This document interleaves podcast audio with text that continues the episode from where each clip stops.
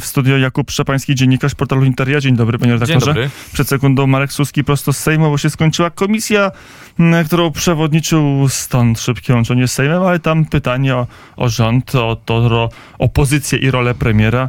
M, Pan poseł, pan przewodniczący Marek Suski mówi, że raczej w tej chwili nic premierowi nie zagraża, to prawda?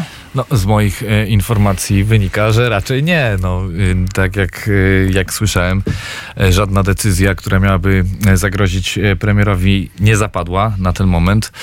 E, na Ale tym- czarne chmury się zbierają. No, czarne chmury może i się zbierają. E, W rządzie, jak wiadomo, mamy dosyć poważny konflikt pomiędzy panem premierem a wicepremierem e, i szefem resortu aktywów państwowych Jackiem Sasinem. A na czym ten konflikt się zasadza? Ambicja, wola polityczna, czy tam jest jakaś merytoryczna sprzeczność, że mają inne pomysły, inne programy, inne poglądy? Czy trudno powiedzieć, trudno w ogóle mówić, wydaje mi się, o polityce bez ambicji, no bo tutaj jednak yy, biorą w niej udział, politykę uprawiają ludzie, e, którym nie sposób odmawiać ambicji. Ale to może być tylko ambicja, ale może być ambicja połączona z jakąś treścią, z jakimś takim Nie, no, merytorycznym y, tutaj- podbudową. Tutaj zdecydowanie mówi się, mm, e, że chodzi oczywiście o konflikt energetyczny, chodzi o braki węgla. No i ja słyszałem o takim przerzucaniu się odpowiedzialnością pomiędzy obydwoma politykami, czyli czy za braki węgla, e, no i ewentualne problemy zimowe, które już wiemy, że nadejdą dla PiSu, będzie odpowiadał bardziej premier, czy raczej minister aktywów państwowych? Czyli kto będzie odpowiedzialny za ewentualną albo już pewną porażkę, czy ewentualne albo prawie pewne kłopoty z dostępnością węgla? Znaczy, no jeżeli chodzi o kłopoty, no to Które one są, są. niemalże, już są, a, a, a w zimie może być tylko gorzej. No weźmy pod uwagę wypowiedzi e, poważnych polityków PiSu, e, na przykład prezes Jarosław Kaczyński, o ile ja się e, nie mylę, mówił o tym, żeby na przykład zakupy węgla rozkładać gdzieś tam na tę zimę, czyli żeby część kupić w październiku, część w grudniu. Tak, słynna wypowiedź, zamiast trzech ton kupcie półtorej tony, no ale chodziło o to, żeby kupić w dwóch rzutach trzy tony, tak? Tak, nie no ale żeby... to, to, to wynika, to nie są e, wypowiedzi e, bez powodu, one wynikają z tego, że tego węgla nam po prostu brakuje e, i będzie brakować. No zobaczymy, jak będzie wyglądała ta zima.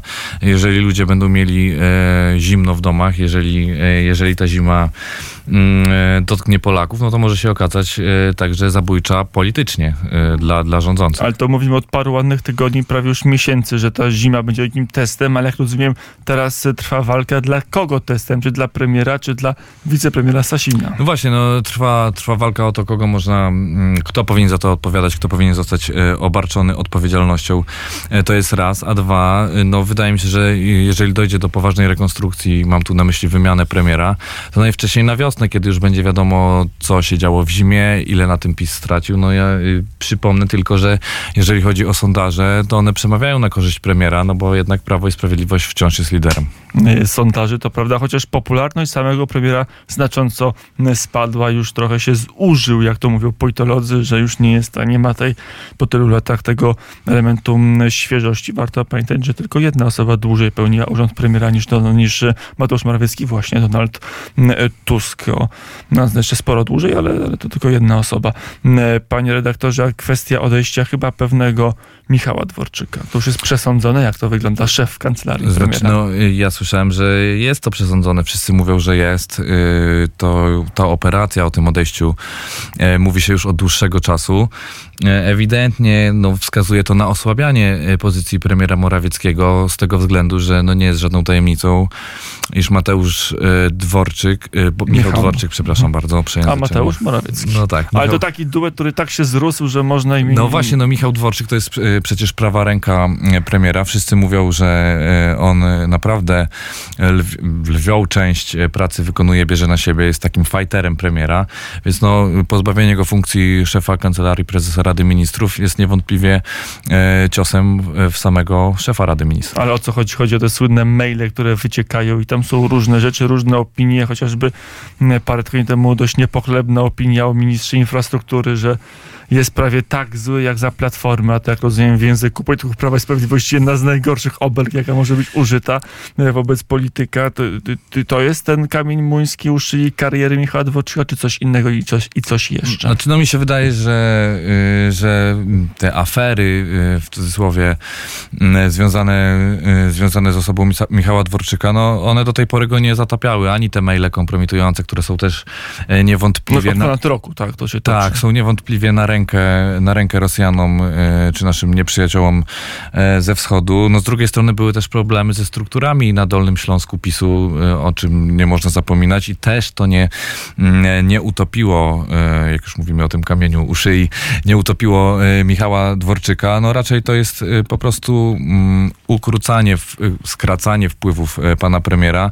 Mi się wydaje, że chodzi tutaj od polityków PiS można słyszeć, że, że chodzi o ten spór w rządzie, że gdzieś premier za bardzo jest zaangażowany w tą walkę polityczną e, na, na, na łonie rządu, e, a nie rządzeniem i to naprawdę utrudnia e, pracę codzienną. Mm, Ale w sumie co to za premier, który nawet nie może wybrać swojego szefa kancelarii?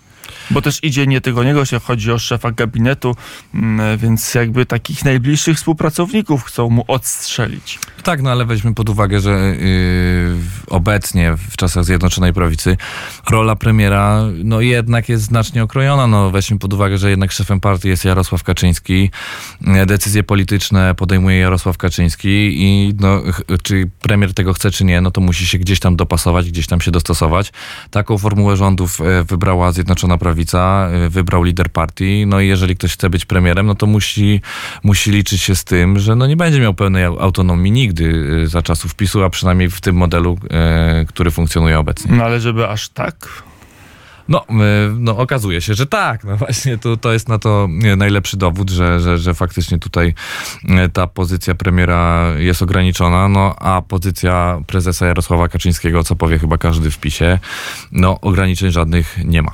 Mm, To prawda, że tutaj jest pełna zgoda. Krzysztof Kubów to jest też ten polityk i też z Dolnego Śląska. Widać, że tam jakby te struktury dolnośląskie, też Michał Dworczyk akurat związany z Dolnym Śląskiem od niedawna, od tej kadencji raczej zawsze w warszawskich strukturach się e, partyjnych sprawdzał. Jeżeli uda się odstrzelić tych dwóch polityków, co mówię usunąć, odwołać przez frakcję niechętną, to co to świadczy o pozycji politycznej premiera, że ona wyraźnie słabnie? No tak, no przede wszystkim e, pozycja polityczna e, premiera wyraźnie słabnie, to jest jedno. No a po drugie, weźmy pod uwagę, że no, żaden chyba polityk PiS, nikt roz, rozsądnie myślący, no nie chce być twarzą porażki. Jeżeli okaże się, że w zimie, a wszystko na to wskazuje, e, PiS będzie przechodził politycznie trudny okres, no to nikt nie chce brać tego na barki, tym bardziej, że no jest to też jakieś pokłosie decyzji premiera Morawieckiego. Ja y, w jakichś tam swoich kuluarowych rozmowach z politykami PiS e, s- słyszałem, że nie ma też chętnych. No tak naprawdę mm, kto mógłby zastąpić premiera? No, wy, była Mówi się o Elżbiecie Witek, ale też mówi się to jeszcze kandydatów zostawmy sobie do omówienia na koniec Mhm. tego wątku, ale czy sama procedura, bo to też mm, może niewiele, nie wszyscy zdają sobie sprawę, że to nie jest takie proste. To, to nie zależy od woli prezesa partii, że on nominuje i koniec, tylko trzeba przejść przez Sejm, a tutaj sytuacja jest nie do końca stabilna. No tak, no sytuacja jest, sytuacja jest nie do końca Trzeba stabilna. uzbierać większość dla nowego premiera. No trzeba uzbierać większość, no ale też, y, żeby zbierać tę większość, no to trzeba mieć kandydata jednak, który będzie chciał się podjąć zadania i wtedy można jakby przechodzić do dalszego etapu tej Trzeba mieć operacji. pewność, że sam Mateusz Morawiecki, który jest posłem, ani żadni jego ludzie nie skrewią, nie zatrzasną się w toalecie, że Paweł Kukiz też zagłosuje za, że tych zmiennych robi się coraz więcej. Przy No- takiej procedurze wymiany premiera. No tak, no jednak y, przez ten czas, kiedy y, premier jest szefem rządu, y, na początku mówiło się, że on nie ma żadnego zaplecza. Z czasem to się zaczęło zmieniać. E, Być może właśnie też o to toczy się ten spór, że premier zyskał y, wpływy w partii, a on jest jakby z A zewnątrz. zyskał? No, mówi się, mówi się, że jakieś tam wpływy zyskał. Co prawda, no ja nie mówię, że, że tutaj potrafił zbudować jakąś własną dużą frakcję, no ale jednak e, prawdopodobnie jest parę osób, na które mógłby liczyć. E, I zakładam, oczywiście, bo nie wiem tego, zakładam, że, że ma to jakieś znaczenie w całym tym bieżącym sporze politycznym, który toczy Zjednoczoną Prawicę, a konkretnie PiS. To, żeby ten wątek zamknąć, tych kandydatów poszukajmy. W zasadzie pada tylko jedno poważne nazwisko, marszałek Sejmu Elżbiety Witek, ale też wiele osób mówi, że to jednak no jeszcze nie ta rozpoznawalność, nie, to, nie ta popularność i być może w ogóle nie ten format. To znaczy tak, y, no dotychczas mówiło się o Beacie Szydło, mówiło się o Elżbiecie Witek, no zawsze jakimś e, kandydatem na premiera jest Jacek Sasin, który gdzieś tam... No i Mariusz Błaszczak, tak? Tak, ale, no i Mariusz Błaszczak, no ale e, no ponieważ... ale tak długo o nich mówimy, że aż przestałem ich wymieniać, bo ileż można. No tak, z tym, że no Jacek Sasin raczej tutaj premierem nie zostanie, przynajmniej ja w to wątpię. E, No jeżeli chodzi o Elżbietę Witek, e, z tego co wiem, no też i, i różne media podawały takie informacje, że jej szanse też spadły do zera, no ale tu jest e, jakby ko koincydencja, współistnienie różnych czynników, o których już mówiliśmy. E, W związku z tym, no tak de facto to nie ma, nie ma, nie ma następcy Mateusza Morawieckiego na ten moment, a jeżeli e, faktycznie mielibyśmy mieć nowego premiera, no to zakładam, że dopiero wiosną. Czyli y, pozycja pana premiera jest umocniona brakiem alternatywy. Tak, dokładnie tak. Nie, ma, nie ma kto go de facto zastąpić, już abstrahując od skomplikowania samej procedury, gdzie można się wywrócić, a to może się skończyć e, skróceniem kadencji e, Sejmu. To jeszcze do opozycji przejdźmy. Nie wiem, czy już zdążyłeś się zapoznać z politycznymi reperkusjami pewnego wpisu na Twitterze. Radosław Sikorski wczoraj pochwalił Amerykanów, że tak ładnie wysadzili amerykańsko, niemiecko-rosyjski gazociąg jeden i w połowie e, drugi. Wydaje się, ta odpowiedź była y, dość nieodpowiedzialna i pytanie, czy będzie miała także swoje konsekwencje polityczne na opozycji. No w tej chwili już na pewno mamy y, konsekwencje i to takie na skalę międzynarodową, bo wiadomo, że e, Rosjanie, propagandziści Władimira Putina tylko czekają na takie wypowiedzi, żeby można było e, obarczyć e, o coś winą Stany Zjednoczone. Z drugiej strony jest też ta słynna wypowiedź Joe Bidena, który mówi, że Nord Stream przestanie działać, więc można to... Jeśli napadnie Putin, jeśli Tak, Putin wywoła wojnę, tak. wywoła wojnę, to, to oni spowodują, że, że Nord Stream przestanie działać. E, No na ten moment e, wydaje się, że, że skorzystała na tym tylko rosyjska propaganda. Jeżeli chodzi o jakieś konsekwencje w samej platformie, to prawdę mówiąc nie spodziewam się ich. E, Natomiast co będzie, jak to się mówi, czas pokaże. Mm, Ale to jest tak, panie redaktorze, zobaczmy sobie, bo trwa jakiś bój w tej chwili na polskiej scenie politycznej, kto jest pupilkiem Putina. Znaczy, część opozycji uważa, że polski rząd jest w jakoś w jakimś stopniu sterowany przez Moskwę. Oczywiście PiS uważa inaczej, że to Platforma zawsze była partią prorosyjską. No i na ten spór nakłada się ten tweet Sikorskiego, który łatwo może być wykorzystany właśnie w tej wojnie przez obóz rządzący. Znaczy tak, no weźmy też pod uwagę, że y, trochę ta nasza polska scena y, polityczna zmienia się na modłę amerykańską i tak naprawdę my wchodzimy już powoli e, w tryb kampanii wyborczej, więc te wypowiedzi są ostrzejsze, jest wyszukiwanie błędów.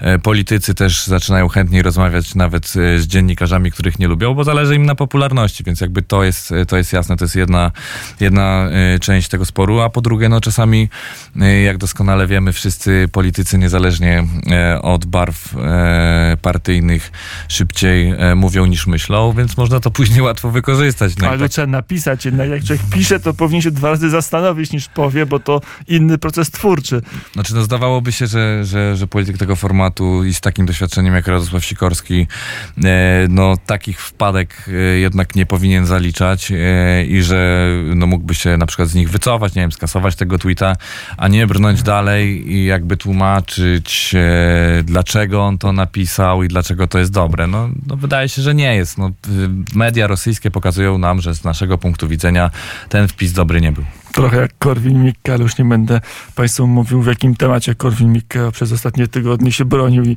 wiele tweetów wysyłał i o jaką sprawę bił się niemalże do końca. Dobrze, mamy dwie minuty. Jedno pytanie o tą opozycję, trochę poważniejsze. Wydaje się, że jest jakieś ultimatum strony Platformy. Nie wiem, czy ty też to możesz, czy pan redaktor może to potwierdzić, że Donald Tusk mówi albo kilka tygodni się dogadujemy, albo Platforma idzie e, sama i będzie starała się w tym samym zatopić pozostałe mniejsze ugrupowania opozycyjne. E, To znaczy, jeżeli chodzi o opozycję, no weźmy pod uwagę, że jednak tutaj e, równolegle parę spraw się toczy, no bo mamy z jednej strony pakt senacki, e, który gdzieś tam ma być dopinany, z drugiej strony ta koncepcja opozycyjna też ewoluuje, no bo ja pozwolę sobie przypomnieć, że Donald Tusk był orędownikiem e, jednej listy, wiadomo, że... e, Chyba jeszcze wcześniej dwóch list, bo nie chciał z lewicą, bo chciał Tak, no. wszyscy, teraz już już nie chcą, już to ewoluuje w innym kierunku. No tak, no cały czas jakby te koncepcje się zmieniają. E, Wiadomo, że Platforma Platformie jako największej partii opozycyjnej zależy na tym, żeby jak najlepiej wyjść na tych wyborach. No jeżeli oni mają wygrać, sondaże się zmienią po zimie i ten długofalowy trend jest korzystny dla opozycji, e, no to oni zrobią wszystko, żeby jak najlepiej na tym wyjść. No na tym też polega polityka, więc nie ma się co dziwić. Czy będzie ultimatum, no y, trudno mi powiedzieć. Na pewno im zależy na tym, żeby jakoś się dogadać. E, Co do samej lewicy, no to niechęć Donalda Tuska do tego obozu postkomunistycznego, przynajmniej jak dotąd No ale. Czarzasty wydaje się jest gotowy. Przynajmniej takie wysyła sygnały. Nie wiem, czy one są mm, sygnałami fałszywymi, no ale mówi o dogadaniu, mówi o woli. Jakby y, ta grupa dookoła Czarzastego była gotowa wejść w sojusz, w alians z Platformą.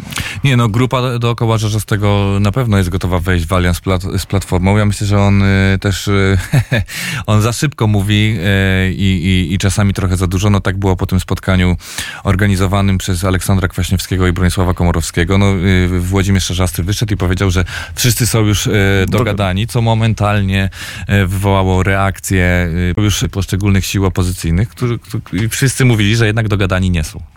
Chyba, że chciał to wywrócić, bo to też może być tak w polityce, że się celowo mówi takie rzeczy, żeby wrzucić granat do pokoju, gdzie się toczą negocjacje. No, Włodzimierz Czarzasty jest osobą, która na pewno wie, na czym polega gra. Co jak co, ale tego mu nie można odmówić. Jakub Szczepański, portal Interia, dzięki wielkie. Bardzo dziękuję. Był gościem popołudnia wnet ostatnim i dzisiaj kończymy popołudnie wnet.